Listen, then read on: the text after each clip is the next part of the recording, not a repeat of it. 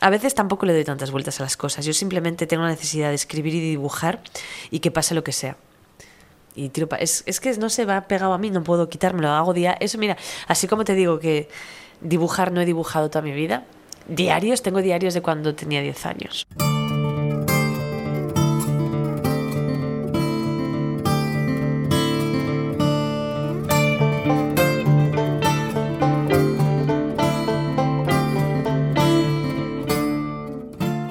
Capítulo de Estamos Dentro es un viaje. Más allá del propio desplazamiento físico a la casa del anfitrión de turno, es un viaje en el que recorremos las experiencias, los anhelos, los miedos y las reflexiones de esa persona. La anfitriona de esta entrega acostumbra a contar ese viaje vital a través de sus dibujos a modo de diario de viaje, aunque en este capítulo lo hará a través de nuestros micrófonos.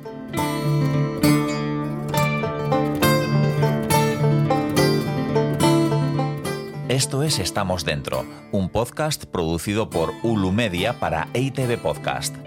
Habla porque tiene muy mala mano para dibujar John Martija.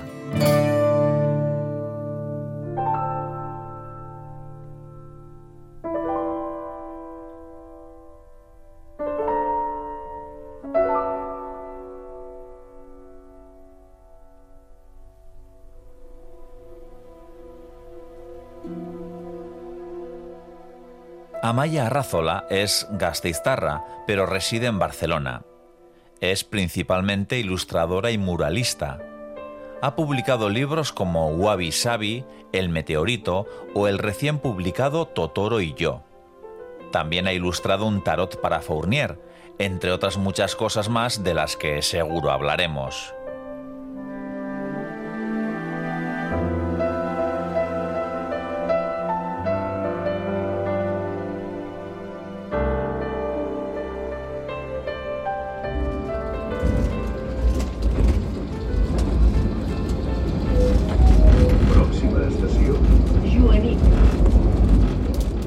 Cojo el metro para dirigirme al barrio de Gracia, que es donde reside Amaya. Esto es, ¿estamos dentro o no? Es que he ido a hacer la compra y me olvido las llaves. Bueno, Entonces Chemi está, está, está llegando. son cosas que pasan. Sí. Entonces nada, es que yo es aquí. Y tenemos el estudio no muy lejos. Y he ido a llevar cosas y, y hacer la compra. y cuando he llegado aquí con todo, digo, mierda. Y entonces este- está... Mira, le voy a decir a ver si ¿A quién no le pasa dejarse las llaves?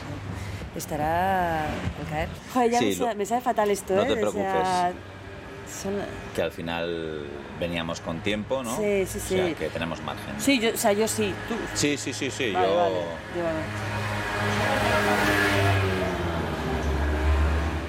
Hola, Pichi, ¿dónde andas? Vale, estoy aquí ya con John. No, tranquilo, tranquilo, venga. Vale. No, que está aquí al lado. Bueno, Ya hemos empezado, o sea que esto, esto va al podcast. Amaya, la que te dejó aquí con un carro de la compra con los champiñones. Me van a echar la bronca en la productora porque estamos dentro, el, ¿no? el leitmotiv es que la entrevista se hace en casa del invitado. Estamos en, el- en la calle frente al portal de Bueno, Amaya como tú, o sea, como tú dices, o sea, no hay nada más auténtico que olvidarte las llaves. en- Es que estamos de... O sea, la cosa es como que el estudio lo ten- o sea, tenemos el estudio donde meter todos los trastos, ahí pintamos y todo. Y esta temporada todavía como que no hemos arrancado mucho porque hemos estado de viaje, eh, nos fuimos a Nueva York, se hemos entonces era como que teníamos que pasar un día como de limpieza, ¿sabes? Estos días que coges bolsas, sacas, reciclas, tiras. En plan, hoy le decía a Chemi, tío, el, le- el leitmotiv es todo basura, o sea, o sea, que no quede nada, porque es que estoy de guardar cosas hasta las narices.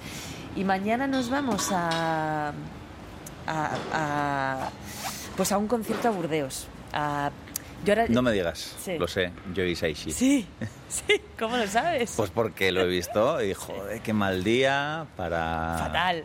Pues le regalé a Chemi las entradas en Navidad. Hombre, encima es que, claro, Claro, pues no- al hilo de tu último libro. perfecto, claro, Entonces lo- era como, uy, qué En ese- casualidad. En ese, momento estaba como ultra motivada y, me cost- y dije, venga, regalo de Navidad, genial. Pensa- bueno, yo, yo soy de Vitoria. En mis planes íbamos a Vitoria con la niña, le dejábamos a mis padres la niña, nos íbamos tranquilamente a Burdeos. Como siempre, nada sucede como debería. Estoy aquí haciendo la compra porque viene mi suegro a cuidar de la niña y nos y hacéis vuelo de aquí a Burdeos. de aquí a Burdeos hay directo y luego vuelta al día siguiente. Bueno, Pero bueno, Pues sí, ya en- encima si ponen pantalla yo ya me mu- estaba pensando y tampoco Si hacerlo. proyectan también. Sí, porque he visto vídeos que veces que los conciertos los acompañan como con proyecciones. Sin la música de este hombre, las pelis no sería lo mismo, ¿no? Mm. Son los que la música al final te aporta una capa de narrativa a las películas. Y este tío es sí. Es como que maridan, Sí, ¿no? utilizando perfecto. un término gastronómico a la perfección. Tú sabes que él no se llama Yoi Saishi, No. se llama Mamoru Osoda y Yoi Saishi significa Quincy Jones en japonés. Te lo juro. Debe ser como su referente, o sea, lo que de joven. Y dijo, pues Mamoru Osoda no me parece Muy demasiado... comercial. Y... Y, y debe ser como la adaptación de, de su nombre de Joy de Quincy Jones. Tú sabrás más, pero lo del sentido del humor japonés también es como para, Sí, sí, sí. para cogerlo, no sé si con pinzas o con palillos, Sí, pero total- sí, más con palillos. bueno, está bien. Aquí viene este. pues nada, ya me hacía ilusión también verle, Sí. o sea que... ¿Qué pasa? Ya, estamos, estamos grabando ya. Ya estamos. Aquí en la Esto ya calle. forma parte del podcast. Este es el, el spin-off, estamos fuera. Sí, ¿no? Pero bueno, le he dicho que no hay nada más típico que quedarte sin llaves, ¿no? Con el carro de la compra. ¿Qué tal Bueno, todo? Pues me alegro de verte. Lo mismo digo. Ay, qué recuerdos. Estaba comentando que para mí es una de las experiencias inolvidables la que vivimos en Brians, Envían, ¿no? eso de ir a la cárcel y salir también. Sí. Fuimos a mirar. Sobre todo lo de salir. Vale, bueno. Es casa familiar. Si hay algo que no tienes que ver, haz como que no lo has visto, ¿vale? No pasa nada, ya sabemos cómo son las casas, cada una con su realidad. Idiosincrasia. Además tenemos una niña pequeña que es... Y nada, adelante, adelante. No, no, hace sí. falta que te quites, ¿eh? Si estás cómodo. Estoy más cómodo sin Sin zapatos, zapatos, pues o sea que... Mira, ahí a la izquierda, al salón. Ahí va, que el espejo, izquierda, Ahí, uy, vale, sí, sí. pasillo largo. Sí, sí, sí. Bueno, es que está, estamos aquí pues desde que tuvimos a Ane. Ujú. Vale. Vale, pues nada, esta mesa ideal para poner los Para- micros. Vale, genial. Voy a levantar la persiana para que haya más luz. Hoy la persiana. Bueno, grabando, probamos. Bien. Amaya. A ver. Hola, ¿qué tal? Ahora mejor, ¿no? En casa ya. En casa ya, sí, sí, después del incidente, sí.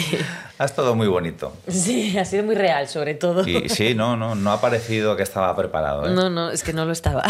De hecho, eso, yo he visto a alguien con un carro amarillo y pensaba que era una cartera. Sí, es, lo que, es que parece un carro de, del correos, pero no, no, es mi hermana me regaló ese carro de la compra. Bueno, pues oye, está bien, venía lleno, que es lo importante. Sí, Y ya si tienes las llaves de casa es un plus. es un plus, mejor, sí. No había ningún congelado que No, peligrara. no, no, no, todo, todo fresco. O sea, que no de hecho ahí está, el carro lleno y luego lo, luego lo sacaré. Amaya Razola, que es eh, nuestra anfitriona hoy en Estamos Dentro, en Barcelona, en el barrio de Gracia. ¿Cuántos años viviendo en Barcelona? Aquí vine en 2010, desde Madrid. Yo estudié en Madrid, hice allí publicidad y relaciones públicas en la Complutense y luego entré a trabajar en una agencia de publicidad, así, así una mul- multinacional grande y tal. Entré como becaria y me contrataron y entonces estuve allí creo que un total de unos tres años, entre la parte de becaria y luego ya como directora de... Que tres años en una agencia son como seis Sí, en cualquier son- otro son- trabajo. Es como la vida de perro, ¿sabes? O sea, un año cuenta siete. Pues eso es lo mismo, el mismo concepto. Y, y ya allí me cansé mucho porque, bueno, es poco lo que tú dices, la agencia, el mundo publicitario es un poco, bueno, que hay que valer para eso. Y dije, bueno, en ese momento que tenía creo que 24, 25 años, y me dije, me voy. Y entonces, en, en ese momento también en Vitoria había una serie de becas que las daba la, la, la CUT, esa, en aquel momento era Vital. Vital Cucha, ¿sabes? ¿Te acuerdas? Bueno, el caso es que me dieron, el último año que hicieron me lo dieron a mí y me dieron un- una beca y pude venir aquí a Barcelona a hacer un máster de diseño. Que fue- yo diseñadora soy muy mala, y, pero bueno, me sirvió para dar el paso y venirme aquí y una vez aquí ya, pues al principio pensé que acabaría trabajando en otra agencia, pero cosas de la vida, pues me van saliendo curros, conozco a gente que también es ilustrador, porque sobre todo eran chicos, y mm, montamos un coworking antes de que lo de coworking fuera coworking, era simplemente un local que pagábamos un poco todos pues, los gastos. Y hasta hoy. Ilustradora, quizás es una palabra que se te queda pequeña con las distintas facetas artísticas que desarrollas, pero sobre todo conocida como ilustradora. Y no sé si uno se imagina, ¿no? Esta gente que hace dibujitos, he dicho así, Sí. que conozco a alguna niña que, que de algún director de arte dice, ¿pero qué? ¿Le pagan por hacer dibujitos? Sí, sí, ¿No? sí. Como que qué bien. Bueno, ese es el, el lado así más vistoso. Pero bueno, mm, nos imaginamos que sois gente que ya desde pequeños estabais en el cole, en vez de atendiendo al profesor haciendo dibujos en el margen de los libros, Sí. ¿eras de esas, Amaya? Pues yo creo que no 100%, sí que siempre he tenido como una... Siempre me ha gustado dibujar, con mis hermanas siempre hemos dibujado, siempre, eso sí que es cierto, tengo un montón de dibujos allí de cuando éramos pequeñas, que jugábamos a hacer tiendas y las dibujábamos, pero... Pero llegó un momento en el que dejé de hacerlo. Creo que, bueno, sa- siempre pasa, ¿no? Cuando eres niño, como que cuando te haces adulto dejas de dibujar. Y yo lo dejé. Y, Igualmente, como siempre estaba un poco... Cuando tuve que elegir carrera, cogí publicidad pensando que iba a ser un poco creativo. Pero luego fue realmente cuando volví, a mí me dieron un Erasmus y al volver de, en, París yo conocí a una chica que se llama, bueno, que era ilustradora y ahí fue como dije, ostras, esto, esto pasa, esto sucede. Y entonces ya cuando volví del Erasmus eh, empecé a indagar por ese camino. Eh, tus o varias de tus experiencias vitales han dado pie a un libro. No sé si el, el tiempo en el mundo de la publicidad también o, o es un libro pendiente, que, porque podría, ¿no? habría ahí Habría material, interesante. Sí, no sé, no sé si interesa a mucho. Igualmente yo siempre busco en, en mi propia experiencia la inspiración. Pero, o sea, ya, ya sea cuando fui madre o en o sea, o los, el, el libro del Wabi Sabi, que es de cuando estuve en Japón. Pero sí, sí, supongo que sí que hay, hay, hay historia ahí. sí. Eh, en ese ámbito de la ilustración, ¿tienes eh, algún tipo de formación? ¿Eres autodidacta? ¿Cómo, cómo llegas a, crear tu propio estilo? Pues eh, sí que. A ver, formación no mucha, la verdad. O sea, empecé un curso de dibujo cuando volví a Madrid, que eran tres años, y recuerdo, hice dos. Porque me contrataron en la agencia de publicidad y ya no podía compatibilizar. Lo que tengo es la carrera de publicidad, pero bueno, ahí a dibujar no te enseñan nada, o sea, no coges un lápiz. Y soy más autodidacta, la verdad. Y respecto al estilo, esta, la eterna pregunta del estilo, al final yo siempre digo que el estilo es lo que tienes en la cabeza y, y lo que te permite hacer la mano. Entonces la mano se entrena y la cabeza se amuebla. Entonces a medida que vas haciendo más cosas y vas viendo más cosas y vas dibujando más horas y más horas y más horas, es como que tu mano y tu cabeza se van, se van poniendo de acuerdo, ¿no? Y al final el estilo es un reflejo de tu personalidad. Yo por lo menos no lo falseo. O sea, Tú igual, es una evolución de tus primeras Sí, producciones hombre, a lo que haces claro, ahora. Hombre, hay una evolución de ayer a hoy en lo que hago en general. O sea, hay gente que me dice, ostras, ¿no te tatuarías uno de tus dibujos? Digo, no. O sea, si es que los, eh, no sé, los dibujos que he hecho igual para este último libro, dentro de nueve meses me van a parecer caducos. Es normal, porque yo, o sea, todos vamos, movi- todos vamos evolucionando, em, estamos en movimiento, ¿no? Entonces, malo sería que estuviera contenta con un dibujo de hace 10 años. Claro, dices el estilo, el estilo. Bueno, pues eh, esa mano y esa cabeza que Mm. consiguen fusionarse y llevarte por donde quieres ir, pero me imagino que también hay, en la publicidad se habla de las refes, ya sabes, ¿no? Las referencias, Sí, sí. referencias o, o artistas Sí. que han sido referentes Sí, también para ti, ¿no? sí. Eh, no sé mm, qué ilustradores o, o qué cómics o qué, qué trabajos, qué artistas te han influenciado, que no tiene por qué a veces. A veces eh, No, se, filtran en tu obra, otras veces quizás no. Conscientemente, que yo sepa que sean, otra cosa es los que hay conscientemente, pero desde luego, por ejemplo, joder, todo el mundo de Kino, no solo Mafalda, sino en general todos sus, to- to- todo lo que la, viñeta de Kino a mí me ha influenciado muchísimo. Sobre todo en una primera parte en la que no me atrevía con el color. Ahora sí que soy más osada y meto más. Ya me he lanzado más a colorear cosas y tal. Al principio, ya te digo, como no tenía yo mucha formación, por no decir ninguna, mi estilo era negro, blanco-negro con un toquito de color. Y ahí en Kino, por ejemplo, pues yo veía, claro, una solución gráfica a todos mis problemas, ¿no? La línea negra tan clara, tal. Eh, ¿Qué más? Pues tendría que ir ahí al fondo de la habitación a ver qué es lo que tengo, pero no lo sé. Por ejemplo, o sea, si me pongo a pensar más de, de, hoy en día, pues la gente con la que, con la que he trabajado, por ejemplo, o, o- o mis contemporáneos, ¿no? Quizá los, los, la gente que ha ido evolucionando al mismo tiempo que yo y que nos íbamos mirando los unos a los otros, en plan, ¿tú qué estás haciendo? Tú que, no sé, tenía, por ejemplo, cerca, yo iba a cerámica a clase de Lucesita, que es la, bueno, la pareja de Sergio Mora, ¿no? que es un ilustrador pues, muy conocido. Y yo creo que trabaja más como pintor que como ilustrador, pero bueno, para mí era una referencia. Eh, los chicos con los que yo tenía el coworking, por ejemplo, Conrad, Conrad Roset, que ahora mismo se dedica más a los videojuegos que a la ilustración, pero era otra referencia. Tengo un buen amigo mío, se llama Kim Tio, que es pintor también, es otra referencia al final. Bueno, incluso mi pareja Chemi también es, es él, él también pinta, no es ilustrador, pero pinta y también es otra referencia. Es gente de la que vas cogiendo, pa, pa, pa, voy conociendo a gente, ¿no? Eh, que, que, que, que al final hacen cosas que digo, ostras, yo, yo quiero ir por ahí. Y claro, eh, citabas ¿no? ese coworking que creasteis Sí. cuando todavía no existía Sí. el concepto de coworking con chicos. Eh, es un mundo Sí. que, que va cambiando, como en otros tantos ámbitos de la sociedad, pero también era un, un mundo en el que me dices, eh, cítame cinco ilustradoras mujeres. Ya. Y pues el que está muy metido sabrá decírtelo. Ya. El resto de la gente no. Hombre, también hay que diferenciar. O sea, yo creo que igual el mundo del cómic era más masculino que la ilustración. En la ilustración sí que ha habido bastante mujeres, ¿eh? El mundo del cómic sí que era predominantemente masculino. Eh, pero claro, yo el mundo del cómic no lo toco, o sea, tampoco me puedo meter ahí. Pero ahora mismo sí que, vamos, o sea, somos un montón de tías ahí. O sea, somos un montón y hay, hay chicas que están haciendo un trabajo increíble eh, como ilustradoras, como viñetistas, narradoras, autoras. eh, Claro, eh, dices eh, cómic, no, no es cómic, eh, pero si uno va a una librería, eh, tus libros están en ese espacio Sí, dedicado ¿no? al cómic, que no saben, creo, muy bien dónde ponerlos. ¿no? Novela gráfica, pues mm, no sé No si es sé. una novela gráfica, es una guía ilustrada, es un Sí. diario ilustrado. mm, Pues- Son todos, tienen Ya. Un estilo, pero tampoco sé si es muy fácil encasillarlo. Ya, no sé, es que estas son preguntas que yo no me hago. Entonces es que no tengo ni idea. Ya lo sé, sí, pues sí, obviamente yo no hago cómic y no tengo viñeta y, y los libros que he sacado, ninguno de ellos lo consideraría cómic tal y como yo misma lo consumo, pero supongo que en las librerías necesitan ordenar las cosas. Hay dibujos. Hay dibujos y tal.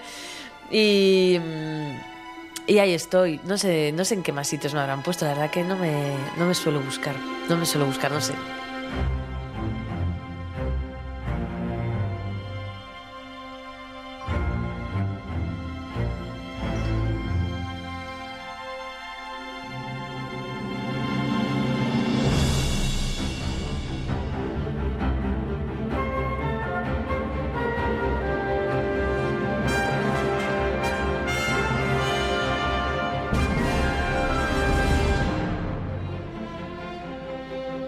Banda sonora compuesta por Joey Saishi para la película Mi vecino Totoro, profundizamos con Amaya en las razones que le impulsaron a realizar un proyecto como el libro Totoro y yo, en el que, a través de su estilo, disecciona e interpreta el cine del maestro japonés de la animación Hayao Miyazaki.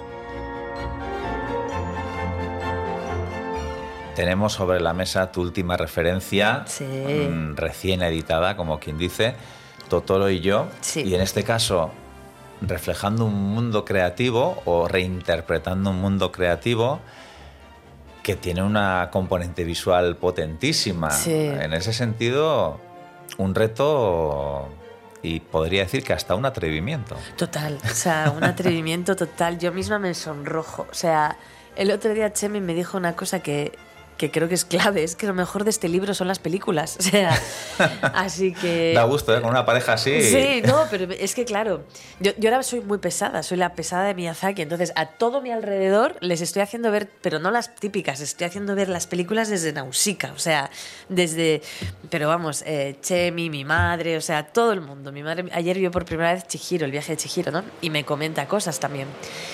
Eh, entonces, efectivamente, un atrevimiento. De, he, tenido que luchar contra el síndrome del impostor, ¿no? Todo el proyecto, porque digo, ¿quién soy yo para osar no copiar, sino retratar dibujos que ya en sí son obras maestras, ¿no? ¿Y qué hago yo aquí si lo único que hago es hacer un dibujo más feo? Porque tampoco es que yo sea aquí una virtuosa. Pero bueno, mi editor, en este caso, Javier, me hizo como mucha... Me, me insistía que ellos quieren mi punto de vista, mi punto de vista. Entonces, al final, pues, ¿qué iba a hacer? Me fié de la malla del pasado y dije, tira para adelante, es que esto ya no lo puedes parar. O sea, quiero decir, ya estaba metida, ya había que acabar el proyecto. Y sí, he tenido, o sea, miedo, miedo por, el, por la profanación, ¿no? Pero... Mira, ya está hecho. O sea, Sí, si al lo final he- es un- una interpretación Sí. de, de ese mundo Miyazaki, del estudio Ghibli, de esas películas de animación que en muchos casos eh, son muy conocidas. Sí. Has citado el viaje de Chihiro, por ejemplo. Y, y, bueno, el meterte tú en las películas para explicar otras cosas Ah. y que tu experiencia también, ¿no? En Sí. Japón, que de eso también hablaremos, Sí. bueno, pues en este caso te ayuda a tener una visión que puede hacer de puente, ¿no? Entre nuestro universo occidental y, ese suyo. universo Ghibli. Sí, sin ser tampoco yo una especialista en Japón. Es que mi, mi punto fuerte es que no soy una especialista en nada, pero lo toco todo. Cuando saqué el meteorito también no era, no era yo, no sé, psicopedagoga ni nada, simplemente era una madre que acaba de ser madre y entonces dibujé el meteorito porque si no me da un patatús. Pero en este caso es lo mismo, yo no soy una gran especialista, lo único que puedo partir es de mi propia experiencia, es lo único de lo que estoy segura porque lo he vivido y asumir la valentía de decirlo. Entonces, al que le guste bien y al que no le guste, que también cuento con su opinión, pues que se compre otro libro. y pero esperas, bueno, esperas que haya, porque estoy convencido de que las va a haber, eh, expertos Sí. o, o fans absolutos por de supuesto, Miyazaki que, que, que dirán, te- ¿qué hace esta tía aquí hablando de Miyazaki? o, o esto que has dicho de Sí. aquello, que tal, que Sí. esto no es así, como Ya. Bueno, pues cuento con ello. ¿Qué voy a decir? Es que sí, es una posibilidad que tengo muy sobre la mesa y sobre todo en un mundo tan tan ya hay cosas escritas y están muy bien escritas. O sea, ya hay libros sobre las películas de, del estudio Ghibli y en concreto bastante más sobre Miyazaki que sobre el otro director y mm, eh, sí, bueno, cualquier crítica que sea constructiva, bienvenida sea. Si la he cagado en algún tipo de detalle, que me lo digan, porque lo puedo corregir si hay una segunda edición. Si es una cuestión de gustos y de criterio, pues ya yo ya no puedo hacer nada. Pero bueno, o sea, estoy con... porque es tu mirada, es al mi final, mirada, o sea, tu al final que me- interpretación, que, es lo que buscaba la, editorial. No me voy a arrancar los ojos, ¿sabes? Por algo será. Estos sí. mm, tontos no son. No, bueno, sí, no, o sea, al final también aquí hay un, aquí hay muchísimo trabajo. Yo, quiero decir, igual hay gente que puede llegar a análisis más, más punteros y quizá más certeros que yo. Bueno, pues que venga y que se lo dibuje. Porque, Claro, es que ahí está el, el plus. Bueno, vale, sí, está la explicación escrita, sí. pero están los dibujos también. O sea, es Sí, un- bueno, claro. una suma. Yo al final la manera que tengo de expresarme es a través del dibujo, entonces, pues así como otro te hace otra cosa, yo lo que sé es dibujar y dibujar pues muy tipo cuaderno de viaje, o sea, es mi, mi tipo de estilo, es este, o sea, es... No soy una gran, ¿cómo decir? No soy una persona muy figurativa a la hora de dibujar, entonces lo que he hecho ha sido meter este pequeño personaje, que soy yo misma y que voy contando por las cosas que averiguaba, ya sea viendo otros documentales o leyendo libros. Eh, no sé, una de las cosas que más, más me ha costado es eh, pues en la película de Chihiro, que es que, claro, es que de cada detalle tú podías tirar un, ibas tirando un hilo, que era una pelota que se desenmarañaba, que, o que era, era tantísimas, tantísimas cosas. Pero, por ejemplo, leyendo un libro, y lo voy a decir porque creo que hay que ser riguroso, que es de la es un libro que tengo aquí apuntado además lo puse porque creo que joder, si alguien saca la hay que decir espera aquí estaba El mundo invisible, de Hayao Miyazaki, de Laura Montero Plata. Bueno, pues leyendo este libro descubrí que estos visitantes nocturnos que iban a la casa de baños estaban inspirados todos en una serie de dioses japoneses. Entonces, eh, bueno, dioses, bueno, deidades, ¿no? Entonces, pues he ido haciendo una tabla de comparación entre lo que aparecía en la película de Miyazaki y lo que ahí existe en la cultura japonesa. Entonces es gracioso ver esto también. Bueno, quiero decir que hay un trabajo detrás, no es solamente hacerte... ¿Y tú recomiendas que la lectura no sea lineal? Es decir, que antes de leer cada capítulo dedicado a un libro, nos veamos la película. Hombre, yo claro, yo lo que recomiendo es que, que primero el primer filtro lo hagas tú. O sea, supongo que igual hay gente que le da pereza, pero a mí es que las películas de este hombre me petan la cabeza, entonces yo creo que lo más guay es que las descubras sin haber leído nada. Y luego, cuando ya las has visto y tú tienes tu, lo que sea, ya tienes tus highlights, lo que más te ha gustado, lo que menos, lo que te ha o pues luego te lees el capítulo. Entonces yo lo que decía y lo que propongo en el libro es que primero te veas la peli, que están todas además ahora en esa famosa En una plataforma. en una famosa plataforma online que empieza por N y acaba por X. Están todas, todas, todo el estudio Ghibli ahí está. Entonces te ves la peli, te lees el capítulo, te, lees- te ves la peli, te ves el capítulo. Entonces creo que es interesante porque no solo, no solo profundizas en cada peli, sino que también vas viendo la evolución de la cabeza del autor, bueno, del director en este caso, ¿no? Que es como, es un paseo por su cabeza, ¿no? Como al principio le interesaban ciertos temas y luego ha ido madurando, bueno, madurando. El señor ya era maduro cuando empezó, creo que tenía cuarenta y pico años, o sea que ahora tiene 80. 81 y está haciendo la última película. Entonces, pero bueno, vas viendo la evolución de pues, sus intereses, lo, aunque haya una serie de factores que siempre aparecen, hay una evolución, ¿no? Como cualquier artista, al final es un artista.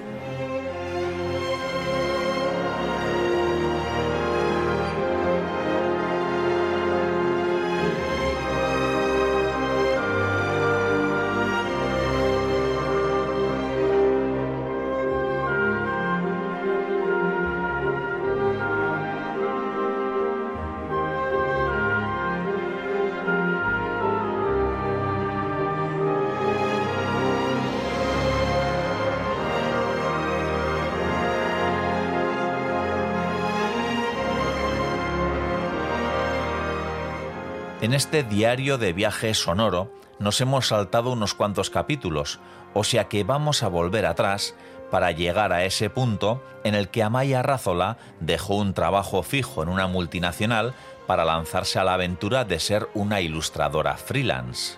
Estaba tan harta de estar, ya sabía que no iba a quedarme allí y que la peor opción era quedarme allí. Me acuerdo que le pregunté a mi padre, a mi ahorita le dije, ¿qué hago? Porque tenía un contrato indefinido. ¿Qué hago? Dejo, dejo la empresa tal y me voy a Barcelona y mi padre me dijo que no.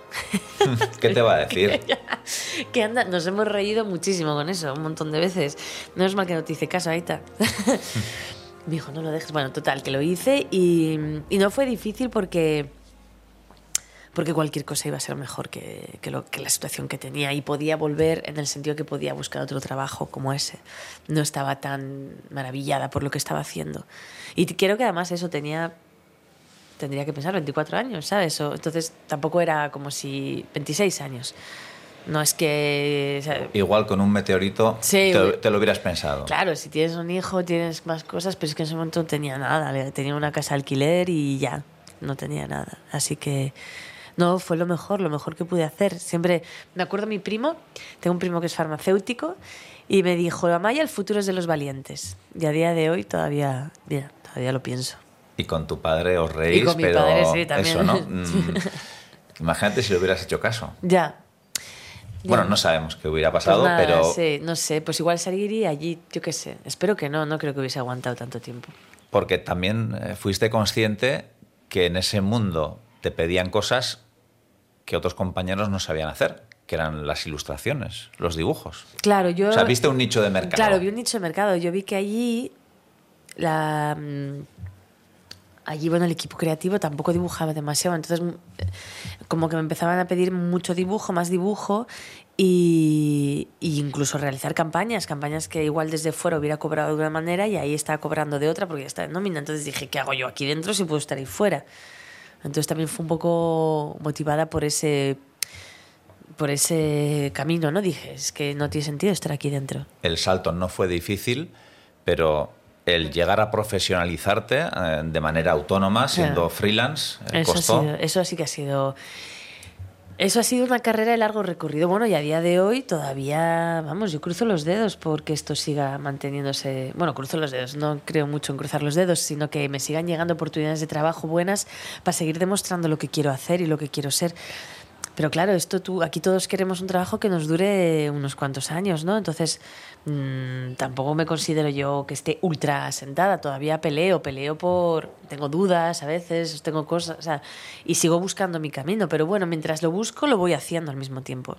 Y ya eres, a cierto nivel, una marca reconocida, una firma reconocida. O sea, Ya. la gente te busca el lector te reconoce Sí. y, y, bueno, pues eh, eso es lograr eso ya es muy importante. Sí, bueno, al final que la gente confía en ti, ¿no? Que, pero mm, lo- desde el editor que te propone el proyecto, el equipo que hay detrás, los que te leen, los que vienen a la firma, los que quieren que le, que le firmes, la gente que te habla por el, por el Instagram, las redes sociales, o sea, todo eso es, eso es gente que, que confía. Pero bueno, yo es que todo viene de fruto de trabajo, de muchos años. Yo llevo aquí, bueno, llevo pues 12 años aquí. Y yo he trabajado un montón de horas, o sea, muchas horas, he dibujado muchas horas. O sea, entonces, eh, este libro, por ejemplo, no se hace en un mes, son ocho meses de dibujo. Entonces, bueno, pues hay que hacerlos, ¿no? Hay que tener vocación y trabajo. Y lo bueno que tuve de haber pasado por aquella agencia que te dije es que yo creo que fue un poco una especie de pequeña formación sobre una disciplina, unos horarios y, y una manera de trabajar que me ha ayudado mucho para cuando he sido freelance o autónoma. En ese recorrido has trabajado con, con clientes muy importantes y ponerse una en valor cuesta cuando estás empezando, cuando pues tienes que hacerte ese nombre, ¿no? Que ya Sí. te has hecho. Eh, cuesta incluso a veces decir que no a ciertas cosas que sabes que, Sí, que no te convienen. Claro que cuesta, sí, sí. Hombre, al principio sobre todo decir que no cuesta mucho más. Así, A mí me cuesta decir que no hoy, pero bueno, todavía... Ahora sí que hay líneas que no paso, pues ya sean malos presupuestos o condiciones de trabajo que no me gusten. Ahora casi nadie me llamaría para algo que no sé hacer. O sea, nadie me llamaría para un retrato figurativo de un perro. Porque no, o sea, es que no, no soy yo la persona indicada. Pero al principio cuesta mucho decir que no, sobre todo porque tú lo que quieres es poder trabajar y demostrar. Ahora, bueno, como ya tienes más oportunidades de trabajo, te puedes poner un poco más selectivo, pero bueno, igualmente, ya te digo, mi carrera, o sea, yo estoy contenta de seguir teniendo proyectos con los que pueda tirar para adelante y pueda, y pueda seguir demostrando y sorprendiendo y poniéndome a prueba a mí misma. Esto, este librazo hace dos años no me creo que lo hubiera, o sea, flip- hubiera flipado. Hablamos algo de libros, hablaremos de otros, pero claro, la ilustración eh, puede ser de 4 centímetros por 4 centímetros o de 4 metros por 4 metros, ¿no? El, el muralismo, un ámbito en el que también has realizado trabajos y que eso también yo siempre alucino con esa capacidad de... Cuando, cuando- cuando pintas en un papel, pues Sí. tú ves las dimensiones, las proporciones, pero cuando tienes una pared de un edificio de. X pisos delante y tienes que plasmar ese dibujo que, que tienes bocetado previamente en, en la pared, eso me imagino que tampoco será fácil. Igual hay tutoriales en YouTube. No, pero no, que va, que va a haber, no, no hay tutoriales. Seguro que hay, ¿eh? Bueno, si los hay, no, nunca, nunca se me había ocurrido buscarlos. Pero bueno, eh, como todo, todo se aprende. O sea, quiero decir, a ver, la primera vez que hice un mural no empecé por un mural de 10 metros de alto. Tú empiezas pues dibujando, primero haces una 3, luego haces una 2. El primer día que hice algo grande fue una figura en una pared y ya era como bueno. O sea, tú vas haciendo poco a poco una progresión. De repente sí que hay un día que te plantan una grúa y dices, ahora te lo haces con la grúa. Y Sí, siempre llama la atención a la gente que no pinta el tema de cómo plasmar las proporciones, ¿no? Bueno, pues una de dos, o el dibujo te lo conoces de memoria, que en mi caso sí que hay veces que es que ya he hecho tantas veces ciertos dibujos que es que no tengo problema en encajarlo. Si es, de, si es una pared más o menos mm, que mi cuerpo pueda acceder sin tener que subirme muy alto. Y si es muy, muy grande, pues hay cuadrículas o hay... casi todas las paredes al final tienen, tienen tuberías o tienen puntos de referencia que tú esto lo puedes, cuando a la hora de plantear el boceto, puedes ponerlo encima y decir, vale, pues el ojo pasa al lado de una tubería esa, entonces tú ya sabes que por ahí va una curva, ¿sabes? Hay trucos y vas aprendiendo.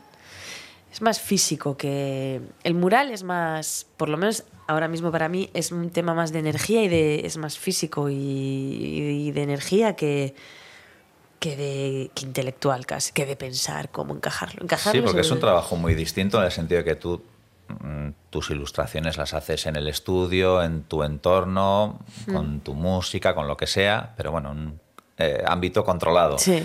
Pero un mural, estás en la calle, en la intemperie, mm, la meteorología puede ser la que sea, eh, la gente pasa, incluso puede hacer comentarios. Sí. Me imagino que, que Es- tiene que ser complicado. Son las dos, las dos caras de un... O sea, es lo que hablábamos al principio, ¿no? Tú me decías que yo que, bueno, que ilustradora igual era un poco corto porque realmente aquí cuando yo estoy, bueno, o sea, a la hora de pintar un mural no es 100% una ilustración.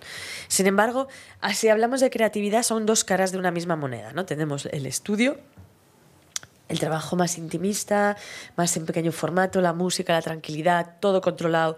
Sé la marca de pintura, sé la marca de acuarela, conozco el papel, eh, a las dos me voy a comer, mm, mi hija es a las cuatro de clase, mañana hago hasta aquí y mañana seguir hasta aquí. Y luego está cuando haces murales, que es un tema pues mm, mucho más salvaje, en el que hay millones de cosas que tú ya no puedes controlar, desde pues ya sea la lluvia, el frío, el calor, eh, que pase un tío por detrás y te diga cualquier chorrada, en plan, no me gusta, pues vale. Que lo estés pintando y te venga alguien y te lo pinte por encima durante la noche y tengas... Y ahí realmente tú ya... Es como una batalla, o sea, tienes que pelear contra todas estas cosas para conseguir tu objetivo final, que es que acabar el mural, ¿no? Porque al final te pagan para eso, si te pagan, o dentro de un festival, tienes que acabarlo, ¿no? Pero claro, esa sensación ¿no? de acabar el mural, de verlo, de que se quede ahí, de que la gente pase, lo vea, incluso haya gente que se siente identificada o, o gente ¿no? que, que sienta el mural como parte de su edificio, parte de su barrio y, y es un aporte artístico y creativo ¿no? que se hace. Sí, hay gente que se lo toma así, hay gente que no le gusta nada. A ti te... A mí por lo menos me encargan que lo haga y, yo voy encantada. Hay veces que es más comunitario y participa pues los vecinos a la hora de hacer un, de hacer un boceto o una idea y otras veces pues es haz lo que tú quieras cuando es un festival y cosas así la gente pues te da más libertad total para poder crear lo que tú quieras yo te digo que hay muchas veces que acabo tan agotada que es que lo veo y digo mira me voy a mi casa Que y dices, el último, este es el último. eh, ya. bueno, eso siempre. O sea, lo de este es el último, eso pasa muchísimo. Pero incluso que al final lo disfrutas más igual un par de días después. Es muy, ya te digo, es que estás agotado, estás muy... Es, es un tema muy físico el, el mural. sí. Ahora que has dicho que el último que hiciste era el último, ¿tienes murales en proyecto? Sí, sí, sí, claro, siempre hay. Bueno, a ver, estoy pendiente de un proyecto en Fuenlabrada y a ver si sale. Y a ver si sale, sí. Sí. Bueno, es otra manera también, mira, en la publicidad, ¿no? Las Sí, grandes lonas que han vuelto a ponerse de moda y, Sí. y es una manera, dicen que muy efectiva de anunciarse, pues los murales de Amaya Razola también Sí. te sirven como publicidad, ¿no? Sí, sí, sí, a mí sí. Todavía nadie me ha encargado de hacer un mural a modo publicitario. Mira, estuvimos hace poco en Nueva York y nos sorprendía porque por todo el centro de Manhattan había, en vez de las lonas publicitarias impresas, había unos frescos pintados a mano por un estudio que se llama Colossal que teni- de una perfección casi que tú no sabías diferenciar si aquello era una lona o, un, o la mano de alguien. Pero vimos, o sea, pero sí que incluso vimos uno que estaban como haciéndolo, ¿no? Entonces, o sea, que sí que hay gente que no sé bien por qué se encargaba a ellos. Y seguro que tú mm, les viste y, ¿no? Es, a ver cómo hacen esto.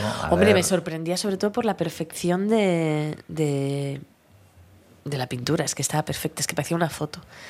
No sé muy bien por qué, pero bien. Hablabas de lápices, de pinturas. eh, hoy en día la técnica digital ¿no? también eh, ha entrado con mucha fuerza y mucha gente la utiliza y es muy representativa también de muchos artistas. Eh, ¿Cómo es tu relación con, con los ceros y con los unos, Muy con la bien, técnica pues, digital? No, soy amiga, amiga, claro. O sea, hay que serlo. Bueno, hay que serlo. Yo te- he tenido que serlo. Yo vengo de la publi, vengo del ya para allá, esto lo necesito para dentro de dos días. Y si estás haciendo una acuarela y un lápiz y tal, y de repente la mano aquí no allí, eh, no vas a ponerte a, re- a rehacerlo. Entonces, em, al principio, bueno, antes dibujaba más con Photoshop y con el ordenador. Ahora, bueno, las cosas van mejorando. Entonces, ahora tengo el iPad y otro programa, se llama Procreate.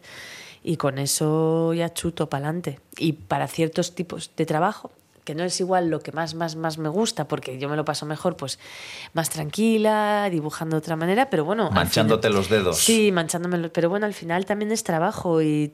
y y hay que ganar. Y son que- herramientas y son que- que te ayudan. Sí, que te ayudan, ¿no? Hay pinceles divertidos y. Y hay, o sea, no sé, estos dos dibujos están hechos en digital, ¿sabes? Y son guays. O sea, que mm, hay que, yo por lo menos, hay otra gente que igual, ¿no? Pero yo personalmente soy amiga de, de los unos y los ceros. ¿Y cómo te llevas con las redes sociales? En eso que hablábamos también de que es un escaparate para Sí. mostrar tu trabajo, pero también es un escaparate para que la gente Sí. lo alabe o, O lo o te critique. critique. Hombre, yo en principio nunca he tenido grandes críticas ¿eh? de mi trabajo, porque yo creo que al que no le gusta, pues me- no me sigue y punto. Tampoco soy una persona ultra seguida. O sea, no es que sea alguien o que esté haciendo una viñeta política, ¿sabes? O algo así. Entonces, eh, no he tenido. No he tenido grandes problemas de haters. igual, igual, mira, el año pasado con el tema de la maternidad, cuando sa- salió un artículo en el país eh, sobre el tema del libro del meteorito y, y ahí sí que en Twitter me cayó la del pulpo, pero es que yo creo que ahí, si cuelgas tomate con lechuga, te cae la del pulpo. Y si pones, eh, yo qué sé, hoy hace, hoy hace nubes y sol, también te cae la del pulpo. Así que tampoco me lo tomé muy mal. Pero bueno, sí que es cierto que las redes sociales al final, pues eso, es la ambivalencia esta, ¿no? Por una parte te sirven para darte a conocer, por otra parte a veces es una mano en la nuca generando contenido para las redes sociales, para que te conozcan, porque al final estos, ellas se nutren de ti, entonces tú tienes que estar continuamente generando cosas y generando cosas que te den likes, a lo mejor no es lo que tú querrías generar, ¿no? Pero, pero hay que hacerlo porque, porque tiene tu, tu cuenta, tiene que respirar likes. Ha habido, ahora yo creo que, me- sinceramente creo que menos, pero hubo una época en la que había muchos trabajos que me llegaban por, por el tema de, de los followers y estas cosas. Sinceramente, desde hace un año, o desde, mucho menos. O sea, no sé, igual que la cosa está pasando un poco de moda, no lo sé. Pero entonces, a veces es una sensación un poco también ah, no de ansiedad, pero decir, joder, o sea, tranquilidad, ¿sabes? El algoritmo de Sí, Instagram el es, el peor cliente. El peor cliente, es algo, exacto, el algoritmo de Instagram y que ahora de repente ya no es Instagram, ahora de repente es TikTok y todo el mundo tiene que cambiar a TikTok. Dios mío, ¿y cómo lo hago en TikTok si no conozco ni tengo ni puta idea de cómo funciona TikTok? Entonces es como que, y dentro de siete años igual de repente TikTok ha muerto y hay otra y de repente hay que pasar otra vez y entonces hay que estar, hay que estar, hay que estar, ¿no? Ahora es el vídeo, como Sí. bien dices, en TikTok y en Sí. Instagram también, porque les ha comido la tostada completamente. Mm, Tenemos aquí delante el libro de Totoro y yo, animación. Sí.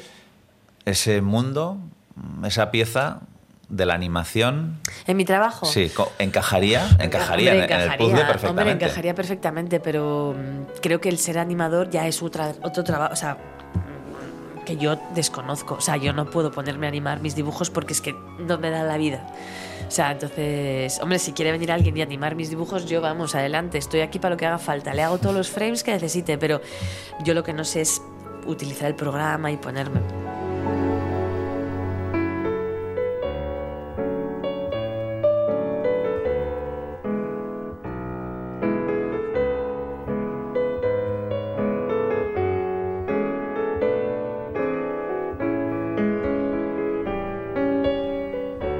Vamos a detenernos en otro capítulo de la vida de Amaya Rázola que supuso un antes y un después, y que quedó reflejado en otro libro, El Meteorito, de cuando fui madre y todo voló en mil pedazos.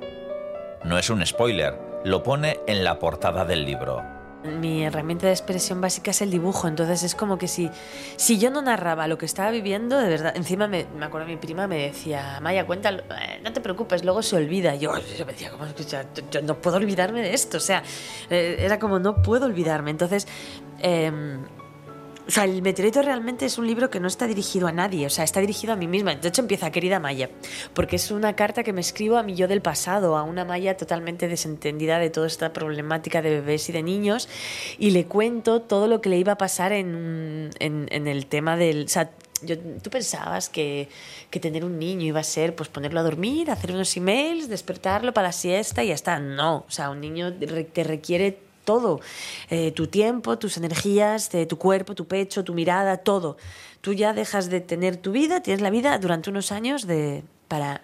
Yo tengo la sensación, sin ser madre, sal- salta a la vista, de que la maternidad es casi como si nos la vendieran, ahora ya no tanto, pero antes a través del filtro de Instagram. Sí. Es decir, que solo mm, se mostraba lo, lo bonito, lo importante, el- la manera de realizarse a través de la maternidad, pero nadie hablaba de todo lo que Sí. conlleva e- ese filtro de Instagram y que no se ve. Bueno, desde hace unos años yo creo que también por eso mi libro encajó también, porque como que pilló una corriente de de repente empezar a hablar de la auténtica maternidad. Sí que es cierto que igual hace seis o siete años que no había mucho escrito sobre maternidad.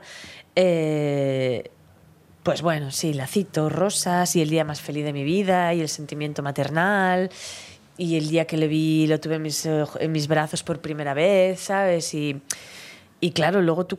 era- Yo, yo, me, yo me acuerdo de tener a Ani y decir, pero a mí, ¿por qué nadie me ha contado esto? O sea, ¿cómo es que esto sea? O sea, ¿por qué nadie me ha contado esto?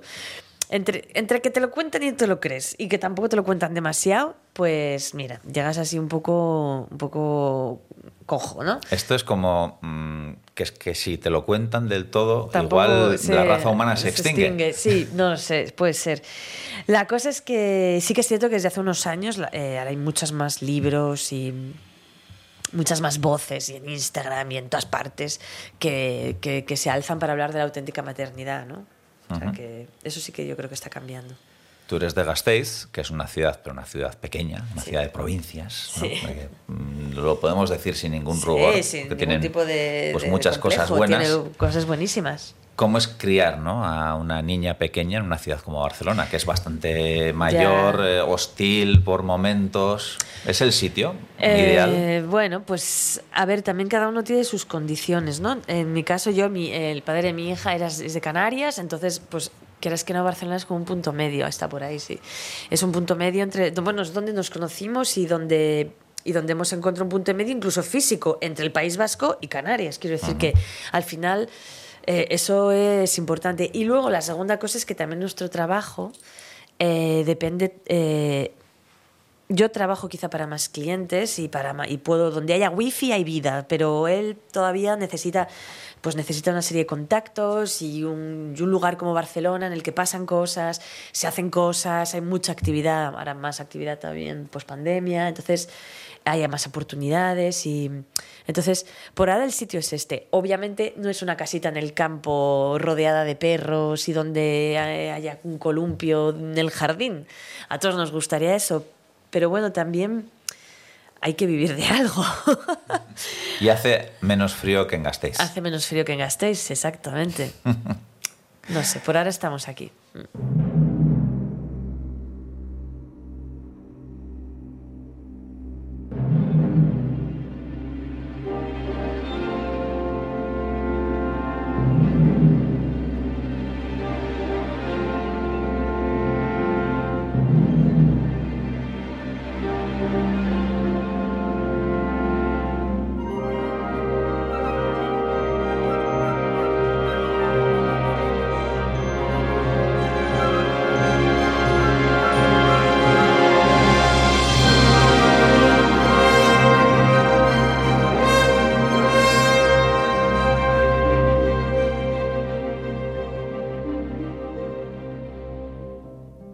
Y Chemi comparten un proyecto de vida en todos los sentidos. En el mismo barrio de Gracia, a cinco minutos andando de su casa, tienen el estudio, Spectrum, donde desarrollan su creatividad. Lo visitamos y le pillamos a Chemi embalando un cuadro. Pues nada, aquí estamos. Este es Spectrum, que aquí es eso, el local que tenemos un poco que nos funciona de estudio, ¿no? Que es lo que te contaba antes, que estábamos con un poco de limpieza post-verano, porque al final han acabado proyectos, acabamos cosas, luego en verano no hemos estado y entonces ahora toca como reorganizarlo todo. Y entonces Chemi pinta este lado, de, este es como la mitad, esto es de Chemi, así, y, y yo, bueno, yo el año pasado, como tuve dos grandes proyectos, tenía dos mesas, que uno hacía Simón el Camaleón, que es un álbum ilustrado infantil, y en el otro pintaba Totoro. Y ahora ya como quitaré una y pondré solo una y ya está. Y os pedís opinión el uno al otro. Sí. Sí, Sí, bueno, hay un, hay un diálogo, bueno, no sé, o sea, igual no en plan, ¿qué te parece este dibujo? Pero en general somos, o sea, yo sé lo que hace Chemi, Chemi sabe lo que hago yo de, de proyectos así gordos y estás al tanto de, o sea, no hay un, no hay una, no hay un corregir de, "Mm, ese color está feo, sino, bueno, hay un, hay un apoyo, una, ¿no? un apoyo continuo. Bueno, esta es la versión de Amaya. Sí. ¿cuál es la tuya? Creo que yo soy más aislado que ella. Ella sí que Sí. comparte más conmigo y yo soy más interno, pero también creo que es mi forma de ser, que es más... No me has enseñado el cuadro que te ha encantado, por cierto, veo que lo estás embalando. Ah, sí. ¿Ves? Por ejemplo. O sea, un cuadro que, que le gusta Sí, antes y no te lo enseña. estábamos aquí comiendo y mientras comíamos me ha dicho, el cuadro que voy a mandar a Canarias, me encanta cómo ha quedado y como estábamos los dos así, me- en plan, luego me lo enseñas y ahora lo veo embalado. Bueno, que no sea esto motivo de conflicto, Chemi. No, no, no, no, no. Pero ella sabe cómo soy. Yo soy más, más, más interior, más conmigo, con mis cosas. Y ella es más de, bueno, se ve, ¿no? En su diálogo, en su forma de expresarse. Y yo, en cambio, soy más, más interior. Y quizás no comparto nada, pero no porque no confíe en su criterio. En los criterios de. En los criterios de proyecto, de proyectuales, sí que, sí que entra en juego su opinión mucho. Pero más en lo de obra, en la obra cerrada, en el cuadro de estudio, es como algo más, más mío, más propio, más que, que hay muchos discursos que se van entrelazando para poder llegar a una pieza de un cuadro, ¿no? Como que, pero, pero sí, sí, sí, hay un diálogo. A ver, yo que conozco a Chemi algo, tampoco mucho, pero mm, casi es más vasco que tú. Digo, en cuanto a carácter, Sí. ¿no? ya, sí, bueno. Eh, y yo soy mucho más, sí, más, igual puedo resultar Más más... simpática. más bastante más simpática que yo. para él, para ser canario, ¿sabes? Que Sí, es un canario atípico. Pero quizá por eso también encajamos, ¿no? Supongo que si fuéramos los dos muy callados o los dos tu, tu, tu, tu, tu, todo el rato, a lo mejor no, no podríamos estar en, no sé lo que mide esto, en 30 metros cuadrados, juntos 8 horas, que es lo que podemos pasar aquí. Y hay cuestiones que se debaten aquí y que se resuelven en casa. Esto de- en, Sí. en casa hablamos. No, sí, porque es que todo es lo mismo. O sea, quiero decir, esto es como una habitación más de nuestra casa. No hay, no hay un salgo por esa puerta y ya no hablo de Totoro, ¿no? O sea, yo salgo de esta puerta y mientras cenamos le digo, ostras, he tenido una idea eh, para presentarme, para ayudarme a la presentación, ¿qué te parece este chico tal? Y él me dice, ah, pues bien, tal. O sea, es, es como si de repente en el salón hubiera esto. No hay, no hay un corte en plan, pues no sé, alguien que igual de esto trabaja pues en el corte inglés y ya sale de su departamento de ventas y ya dice, no quiero saber nada del corte inglés hasta el lunes a las 9 de la mañana, ¿no? Es como un continuo todo, es todo, o sea, es algo transversal a toda nuestra vida. Sinceramente yo creo que no estamos compartiendo todo el rato qué es lo que hace cada uno. Mm. Cuando llegamos aquí es como que en realidad yo creo en realidad que no, ni nos hablamos. no, no, es que nos... Yo creo que no nos hablamos nada, entonces cada uno va a la suya porque tampoco tenemos tiempo de estar hablando y sí que hay pinceladas en las que comentamos el grueso a lo mejor de una problemática, pero no estamos aquí, oye tú qué, qué para-?" no. Igual estamos más hay, caminando, hay a más silencio que- absoluto, trabajando, ganando lo suyo y de repente sale la conversación, oye, ¿qué te Ya. parece esto? Ya. o yo me meto en su problema, o ella se mete en mi problema, ¿no? Sin, sin haberse, haber pedido opinión. Y, y intentas ayudarla porque ves que está, ¿no? Sí. Eh, o estoy a- atrabancado con el problema. Mm. Pe- por eso yo creo que también es, es- está saneado, ¿no? La convivencia, la relación, el Bien. trabajo. Entramos Ah. aquí, silencio, tú allí, yo aquí. Aparte tenemos una hija de cuatro años que es como un deadline que es en plan, o sea, tenemos siete horas, seis horas, o sea, en plan, adiós. O sea, cada uno hace lo que tenga que hacer y luego... Ya de hablaremos en la cena. Sí, ya viene Anne, entonces ya es otro tipo de cosas, hay que hablar de otras cosas, ya, bueno, ya de repente ya él es Aita, yo se llama, entonces es otra cosa ya.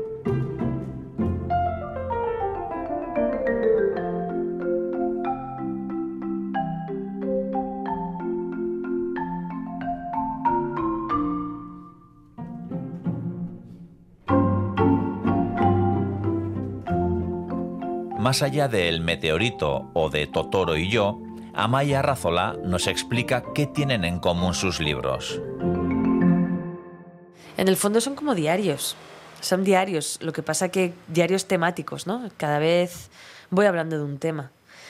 O sea, el meteorito fue como el más desgarrador, por decirlo de alguna forma. Pero yo siempre, desde que llegué a Barcelona, inicié un proyecto que era la Maya Was Here, que lo hice aquí por primera vez, en el que durante siete meses hice un dibujo al día, desde el 5 de junio al 22 de enero de 2010 al 2011. Ese proyecto lo expuse en la Galería Miscelánea y hice un fanzine, que hice 60 copias, que a veces me pregunto quién tendrá esas copias. Yo tengo una, pero ¿dónde están las 59 que quedan? Y ahí empecé, o sea, la Maya Was Here lo resume todo. El Totoro es una Maya Was Here, el Meteorito es una Maya Was Here, el Wabi Sabi es una Maya Was Here. Siempre yo parto de mí, o sea, es que no sé hablar de... O sea, quiero decir, sí que puedo inventarme una historia, pero en el tema de los libros no cómic, como hemos dicho antes, parto de mi propia experiencia porque es lo que mejor conozco. Y y de donde puedo extraer más jugo, ¿no? Y al final es como que necesito hacerlo también, quizá eso forma parte de, de mi propia personalidad, no lo sé. Está claro, y más con las redes sociales que hoy en día, pues eh, casi todo el mundo de una manera o de otra se expone, mm, se expone más o menos fiel a la realidad, cada uno elige ¿no? hasta qué punto quiere mostrarse. Y claro, estos diarios ilustrados, ¿no? por llamarlos de alguna manera, te estás exponiendo tú misma. Em, pero entiendo que no lo cuentas todo. que, hay cosas que, que dices, pues hay cosas que no, no, por falta de ganas, sino por no sé, simplemente porque quizá no he encontrado aún el, el, proyecto para ponerlo. Eh, con el meteorito sí que fue tal cual, sé que es más, es más visceral, por llamarlo de alguna forma. Pero Hombre, siempre hay parte que se queda para ti, ¿no? Es un libro que decías, eh, lo escribiste para la Maya del pasado, prematernidad, pero también seguro que si lo lee, que lo leerá o no, la Maya de dentro de 15 años, por ejemplo, pues sí. seguro que bueno, pues igual interpretas cosas de otra manera. Supongo que sí. Supongo que sí. E incluso a veces pienso en que lo leerá también la Anne del futuro. y dirá, wow. Luego dirá, ves, todas estas sesiones de psicólogo por tu culpa. Sí. Así que no lo sé, no lo sé, no sé qué, no sé. Mm. A veces tampoco le doy tantas vueltas a las cosas. Yo simplemente tengo la necesidad de escribir y dibujar y que pase lo que sea. Y tiro es, es que no se va pegado a mí, no puedo quitármelo. Hago día. Eso, mira, así como te digo que dibujar no he dibujado toda mi vida, diarios, tengo diarios de cuando tenía 10 años. Y ya escribía tonterías, tonterías, en plan, eh, a Javier le gusta Nayara y no sé qué, no sé cuánto, ¿sabes? En plan, bueno, con cosas del colegio, lo que había, lo que había, lo que había comido. Hay, hay, hay páginas en un lenguaje secreto que obviamente no tengo, o sea, no tengo el código. El código, entonces no sé ni lo que pone, porque pensaba que mi hermana me leía el diario. O sea, creaste ahí un código. Sí, para que por si, o sea, por si mi hermana me leía el diario, ya ves tú. bueno, pues eso tiene que ser un tesoro ahora, ¿eh? Sí, sí, no sé si es un Encontrar tesoro. Encontrar la clave de. No tengo ni idea, no sé cómo. o sea, está, está fastidiado el tema.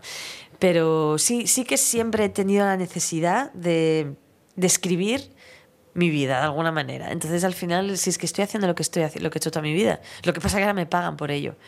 Y de alguna manera quizá ahora pues puedo, puedo, me voy focalizando en aspectos concretos, ¿no? Ahora ya no hablo de las tostadas del desayuno, pues hablo de Totoro y yo. ¿Crees en el tarot? Uy, esto sí, esto fue otro proyectazo. Eh, pues nunca me han echado las cartas en serio. Pero sí que le tengo mucho respeto, porque cuando me llegó el encargo de Fournier, que encima son de Vitoria, sabes que casi me caigo de la silla, imagínate, eh, fue una maravilla. Y Ilustrar un tarot. Un tarot. Que te echen las cartas del tarot y que sea tu tarot. No, no, o sea, increíble. Le tengo tanto respeto que nunca me he atrevido a que me echen las cartas del tarot. Y mira que he podido hacerlo, pero me ha dado soy una cagueta, soy una cagueta y me ha dado miedo. Pero es que ya, o sea, cuando ya te pones en serio, cuando tuve que ilustrarlo y te pones a mirar y a leer y a mirar vídeos de YouTube, te das cuenta que la gente no es en plan cuatro locos haciendo una bola de cristal, sino que hay gente muy seria. Bueno, que, que se lo toma en serio, que hay festivales, que hay cursos, que hay creencias. Entonces, bueno, oye, que nunca se sabe. Y bueno, yo intenté ahí también ser lo más rigurosa posible respecto a la simbología, pero con mi aporte personal. Y ahí están las cartas. El Magic Tarot sigue dando vueltas, sí, sí. Sí, porque al final ahí hay una simbología, unas claves también y, un lenguaje en el que tuviste que sumergirte e incluso, bueno, pues seguro que hay muchas cosas que un simple usuario no ve en las cartas, que vemos la, la muerte, el ahorcado, vemos cuatro Sí, cosas, pero luego habrá seguro mensajes no tan, Sí. no tan, No tan claros, no tan explícitos Claro. y que, Y- que los habrás interpretado. Y sobre todo que, bueno, por lo que también entendí es que dependía también de qué manera salían las cartas, ¿no? Que esta con esta no es lo mismo que esa con esta. Entonces, eh, es un mundo súper complejo en el que desde luego no me atrevería a meterme porque no tengo ni idea e intenté ser, intenté aportar algo desde mi perspectiva artística al tarot y, y estoy súper orgullosa de haberlo hecho y súper contenta, además, porque, bueno, por millones de motivos, porque eh, me llevaron a la fábrica, vi cómo se hacían, vi, conocí la fábrica de naipes de Fournier, que es increíble, eh, vi cómo se producía, me contaron un montón de historias, eh, no sé, y luego el resultado es buenísimo, así que... Bueno, en esta temporada hemos entrevistado a otro Gasteiztarra, a Sier Kidam, mago, y Ah. mm, le hicieron su propia baraja. Sí, Bueno, tú puedes sí. encargar que te hagan una, Sí. una baraja, pues más allá del tarot, una baraja española convencional, ilustrada por Amaya Arrazola, también podría ser una. Podría ser, hombre. Yo siempre conozco a. Bueno, claro, después de trabajar con el equipo de allá, eh, siempre les digo, oye, que haga- hagamos otro, hagamos más cosas, tal. Y nada, aquí estoy. A, ve- a veces hay que esperar un poco a que vuelvan a salir proyectos. Sí. ¿Cuánto hay de esa llamada o ese mensaje directo a través del cual llega un proyecto? ¿Y cuánto hay de tener que hacer eh, relaciones públicas, pico y pala, mm, llamadas para que pues, se sigan encadenando proyectos y una siga tirando para adelante?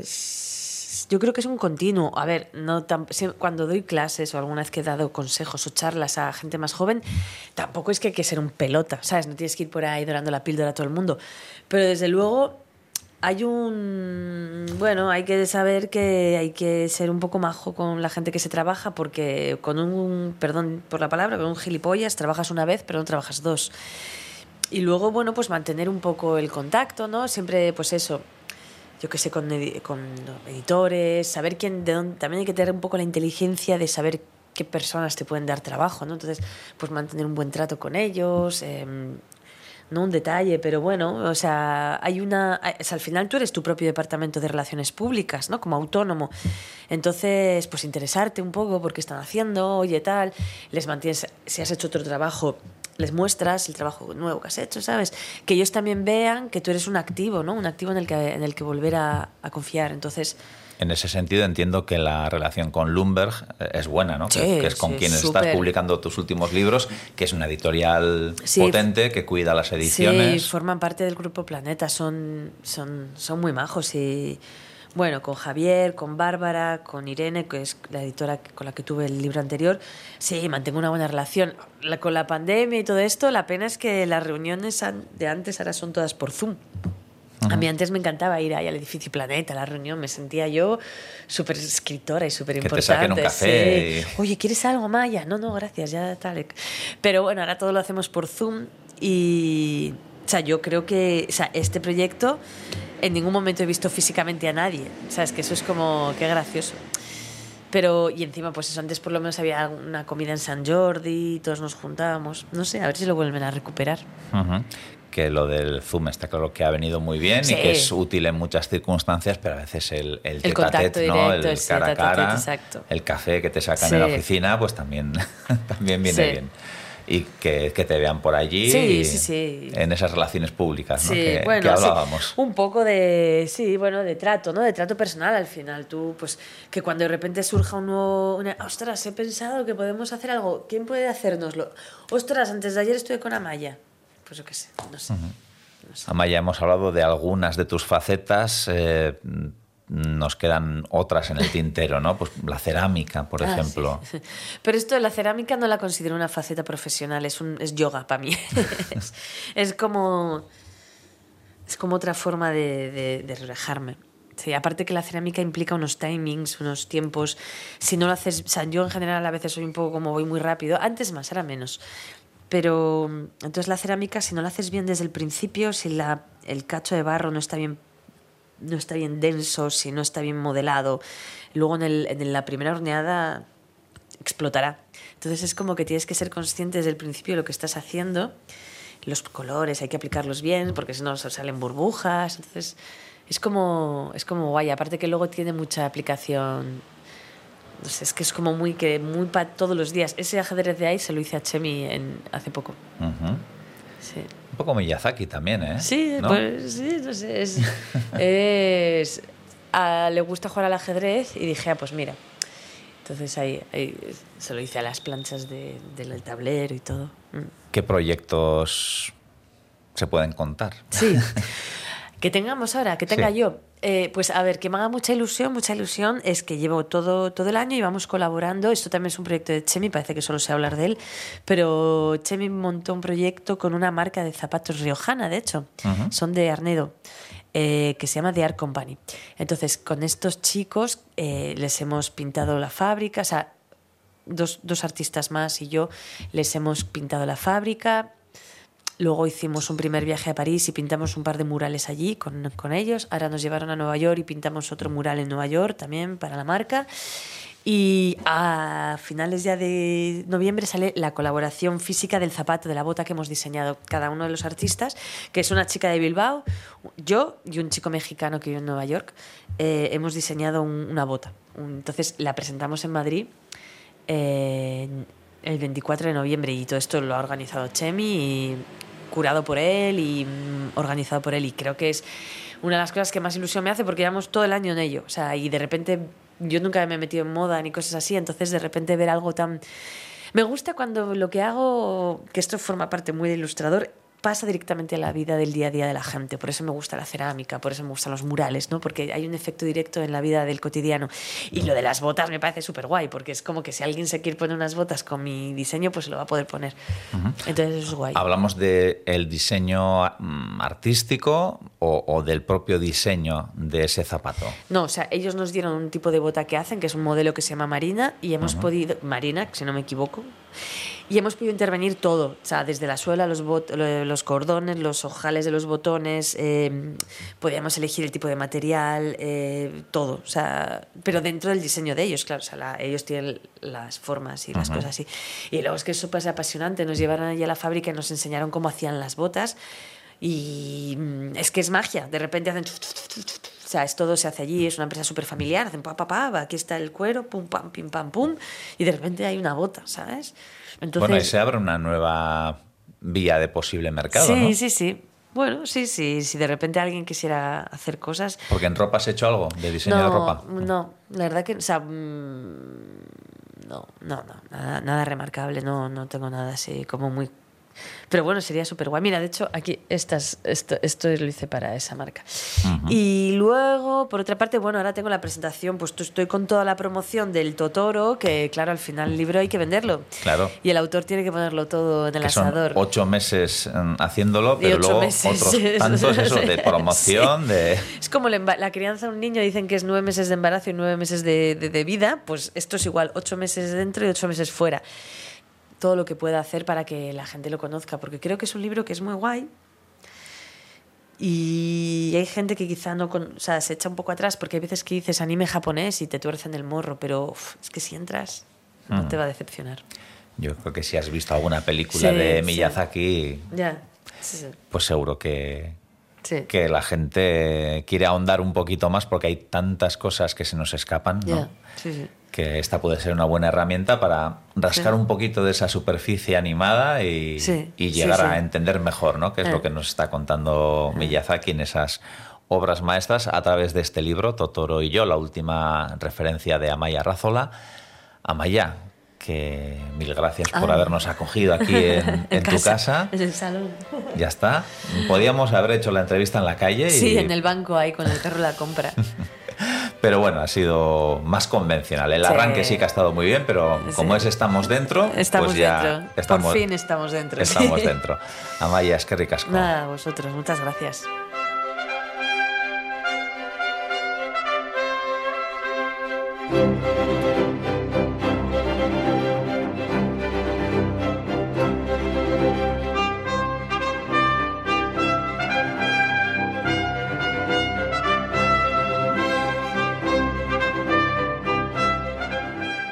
Hasta aquí la charla con Amaya Rázola, a la que se sumó Chemi en el estudio.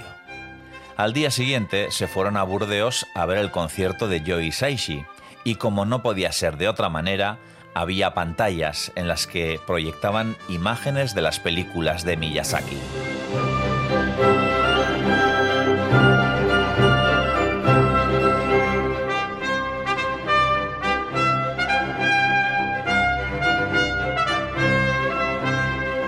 Y precisamente varias de las bandas sonoras de Isaishi para Miyazaki nos han acompañado en este capítulo. Si os ha gustado, os invitamos a que os suscribáis a Estamos Dentro en vuestra plataforma de audio favorita. Un saludo de John Martija y gracias una vez más a Ulu Media y ITV Podcast por permitirnos compartir hermosos testimonios. Hasta la próxima visita.